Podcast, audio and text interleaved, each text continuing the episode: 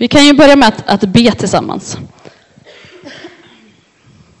Tack Jesus för att du välsignar de gåvorna som har kommit in här Jesus. Tack att, att de ska få, få bli ännu mer och att det ska få bli till välsignelse i ditt verk, Herre Jesus. Herre, tack för att du är här just nu och för att du älskar oss var och en, Herre Jesus. Tack för att vi får vara dina barn och att vi, får, att vi alltid får, får vara glada att vi har dig, Herre Jesus. Herre, tack för att du älskar oss och vill oss väl och att du tar hand om oss när vi har det svårt, Herre Jesus. Tack att du skrattar med oss när vi, när vi är glada och att du torkar våra tårar när vi gråter, Herre Jesus. Herre, tack att du ska vara med mig nu när jag ska försöka säga vad du vill att jag ska säga, Herre Jesus. Tack för att du ser varenda barn och varenda vuxen här inne, Herre Jesus, så att de ska få, få komma närmare dig just nu, Herre. Tack för att du är med, Herre Jesus, och tack för att du tar hand om mina fötter så att de ska läka fort så att jag ska kunna springa och hoppa och, och ha roligt, Herre Jesus. Tack för att du är med, Herre. Amen. Jag ska alltså prata om den gyllene regeln idag. Och den stod ju i Matteus 7 och 12 och jag ska börja med att läsa den. Allt vad ni vill att människor ska göra för er, det ska ni också göra för dem. Hur många här inne har hört den här innan idag? Mm, många. Så vad betyder den då? Josua? Precis. Det handlar om att inte bara tänka på sig själv först, även om det är viktigt att tänka på sig själv också, men att också tänka från någon annans perspektiv. Det är något jag tror att vi borde försöka göra oftare. Och när man försöker tänka så, så, så förstår vi nog ganska fort att vi tänker väldigt olika. Jag och August tänker inte lika om allt. Så då måste man ju tänka till lite när det gäller det här. Hur vill jag att jag ska bli behandlad? Hur vill August att han ska bli behandlad, tror vi? Så vi tänker olika, men vi får försöka tänka på att se på varandras olikheter och ändå acceptera det. Precis som vi själva vill bli accepterade. Att tycka om de som tycker om oss är ju faktiskt inte jättesvårt. Men att tycka om någon som inte tycker om oss, det kanske är lite svårare. En, en utmaning, men en väldigt viktig utmaning. Jag tror att många bråk, många orättvisor, många krig skulle inte finnas om lite fler utgick från den gyllene regeln. För om vi ska behandla folk som vi vill bli behandlade, då behandlar vi ju dem bra. I Matteus 22 till 37 till 39 så står det så här. Du ska älska Herren din Gud av hela ditt hjärta, av hela din själ och av hela ditt förstånd. Det är det största och första budet. Sen kommer ett som liknar det. Du ska älska din nästa som dig själv. Bibeln säger att vi inte bara ska älska Gud och oss själva utan att vi också ska älska varandra. Att älska varandra betyder inte att man ska vara kär i varandra och gå runt och pussa på alla.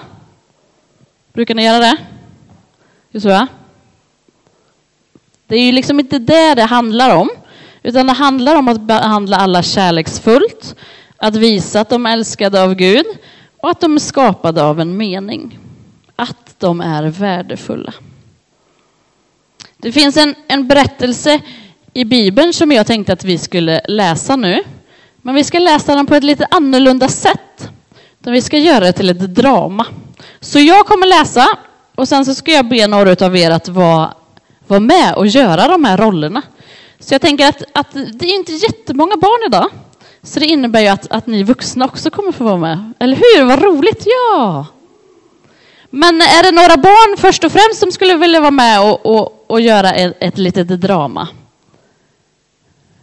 Inga barn. Sven, vill du vara med? Kom! Och Walter vill kanske vara med? Bra. Och Josua kan få vara med. Vart är Ingrid då? Vill Ingrid vara med? Inte? Vill... Eh, Kanske lite för liten. Precis, ni kan få stå här nere framför mig. Nu har vi tre stycken. Eh, Josua, du kan få vara en man. Så, så fort jag säger en man, då ska du göra det jag säger. Mm. Och eh, du kan få vara en präst. Så när jag säger en präst, vill du inte vara en präst? Vill du vara en eh, samarier? Vill du vara... Vad sa du? Det finns inga herdar med. Det finns, du kan få vara en packning. Det, det, det är en väska. Vill du vara en väska? Ja, det är packningen. När jag säger packning, då är det du. Vill du vara en präst då? Vill du vara en eh, rövare? Vill du vara en eh, samarier? Vill du vara en levit? Eh, vill du, vara, vill du vara tillsammans med pappa? Ska pappa vara med? Ja, då får pappa komma fram också. Då kan ni få vara folket. Okej? Okay? Ni två är folket. Och så tar vi Arvid. Du får vara en åsna. Eh, och sen så vill jag ha eh, tre rövare. Vill Ingrid vara med pappa? Ni, ni tre är folket då. Eh, vilka vill vara rövare då? Hilda och Judit. Ja, det räcker med två. Ni får vara rövare. Eh, så en präst. Är det Runar som är prästen? Och så tar vi en eh, levit, Maria. Och så vill vi ha en samarier. Vem är samarien?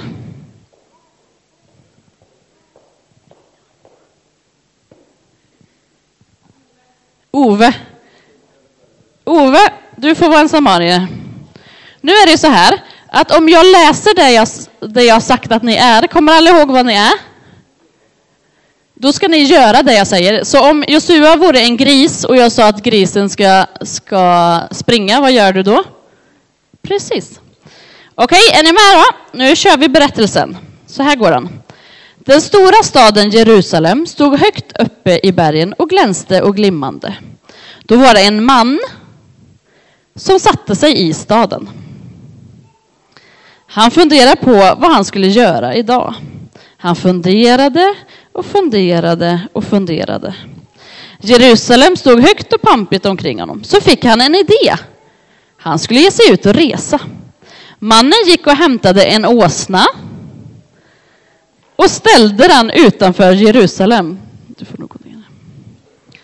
Sedan gick mannen och hämtade sin packning. Han lade packningen på åsnan och ledde sedan åsnan iväg mot Jerusalem och mot staden Jeriko. Medan mannen var på väg kom där fram ett gäng rövare. Rövarna tog tag i mannen och brottade ner honom på marken.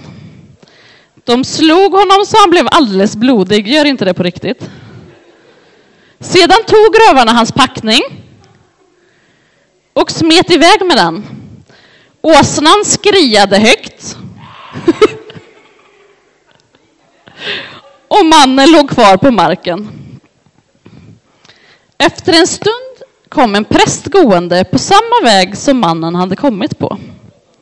Han fick syn på åsnan, åsnan, åsnan och stannade till. Åsnan skriade. Prästen tittade på åsnan och sedan tittade han på mannen. Mannen ryckte till.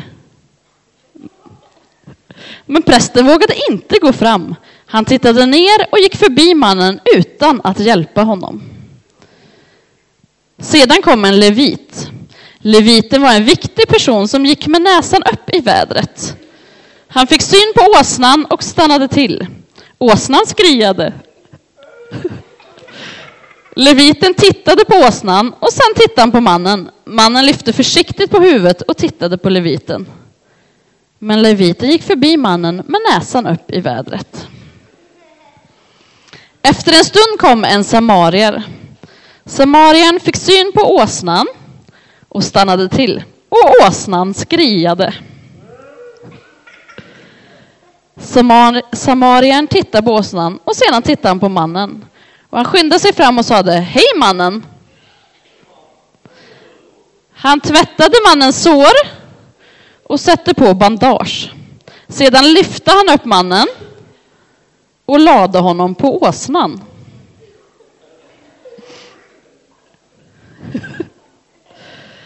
Samarien ledde åsnan till ett värdshus, ett stort hotell.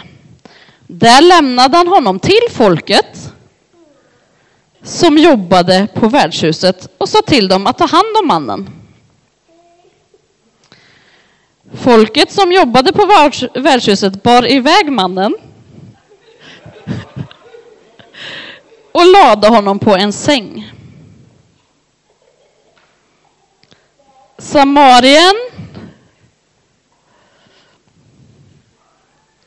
Samarien betalade folket som jobbade på värdshuset vad det än skulle kosta att ta hand om mannen. Tack så mycket alla som har varit med i dramat. Fantastiskt jobbat!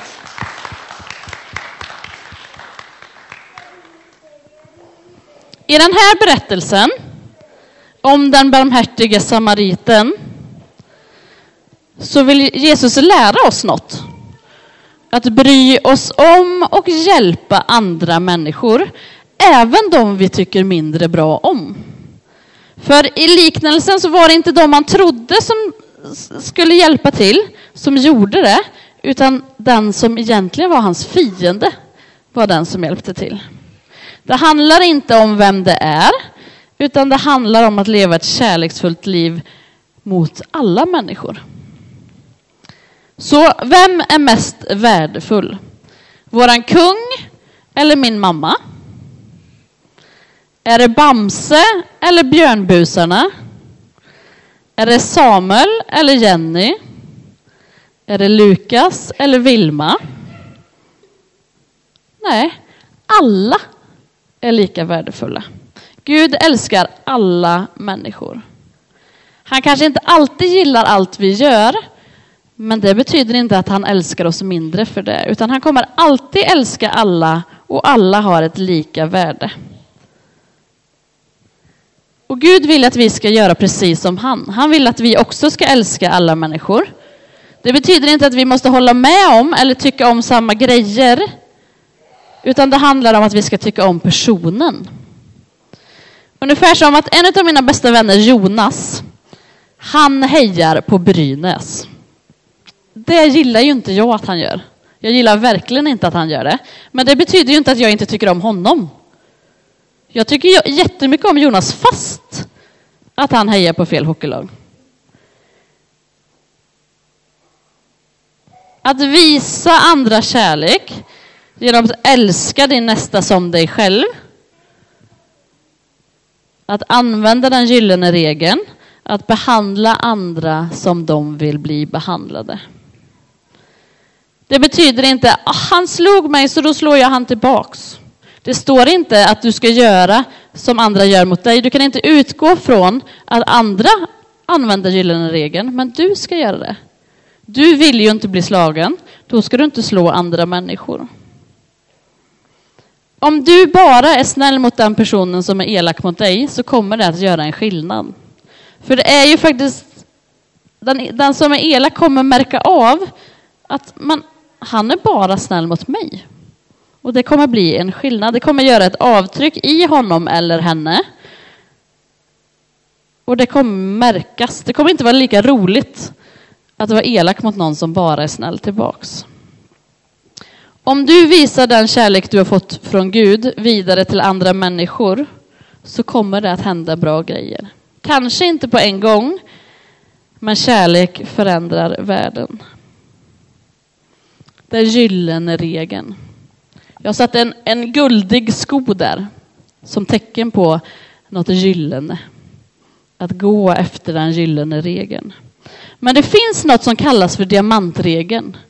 Som, är, som tar oss ett steg till. Och den går så här. Behandla andra som Jesus har behandlat dig. Det är lite svårare, men någonting vi kan få sträva efter. Hur behandlar vi då människor? Jesus älskar oss, så vi ska älska andra. Jesus lyssnar på oss, så vi ska lyssna på andra människor. Jesus hjälper människor, så vi ska hjälpa människor. Och Jesus visar alla att de är värdefulla, så vi ska också visa människor att de är värdefulla. Och detta ska vi göra även om de inte gör det tillbaks. Vi läser Matteus 7 och 12 igen. Allt vad ni vill att människor ska göra för er, det ska ni också göra för dem. Tack Jesus att, att du vill hjälpa oss med det här. Tack att vi inte behöver klara det själva, utan att du, du utrustar oss och hjälper oss att visa kärlek. Att vi får använda den kärlek vi får från dig till att se på andra människor med kärlek, Herre Jesus. Herre, hjälp oss att, att göra det som vi vet att du tycker är bäst, Herre. Inte det som känns bäst för stunden, Herre. Tack för att du älskar oss, Herre. Amen.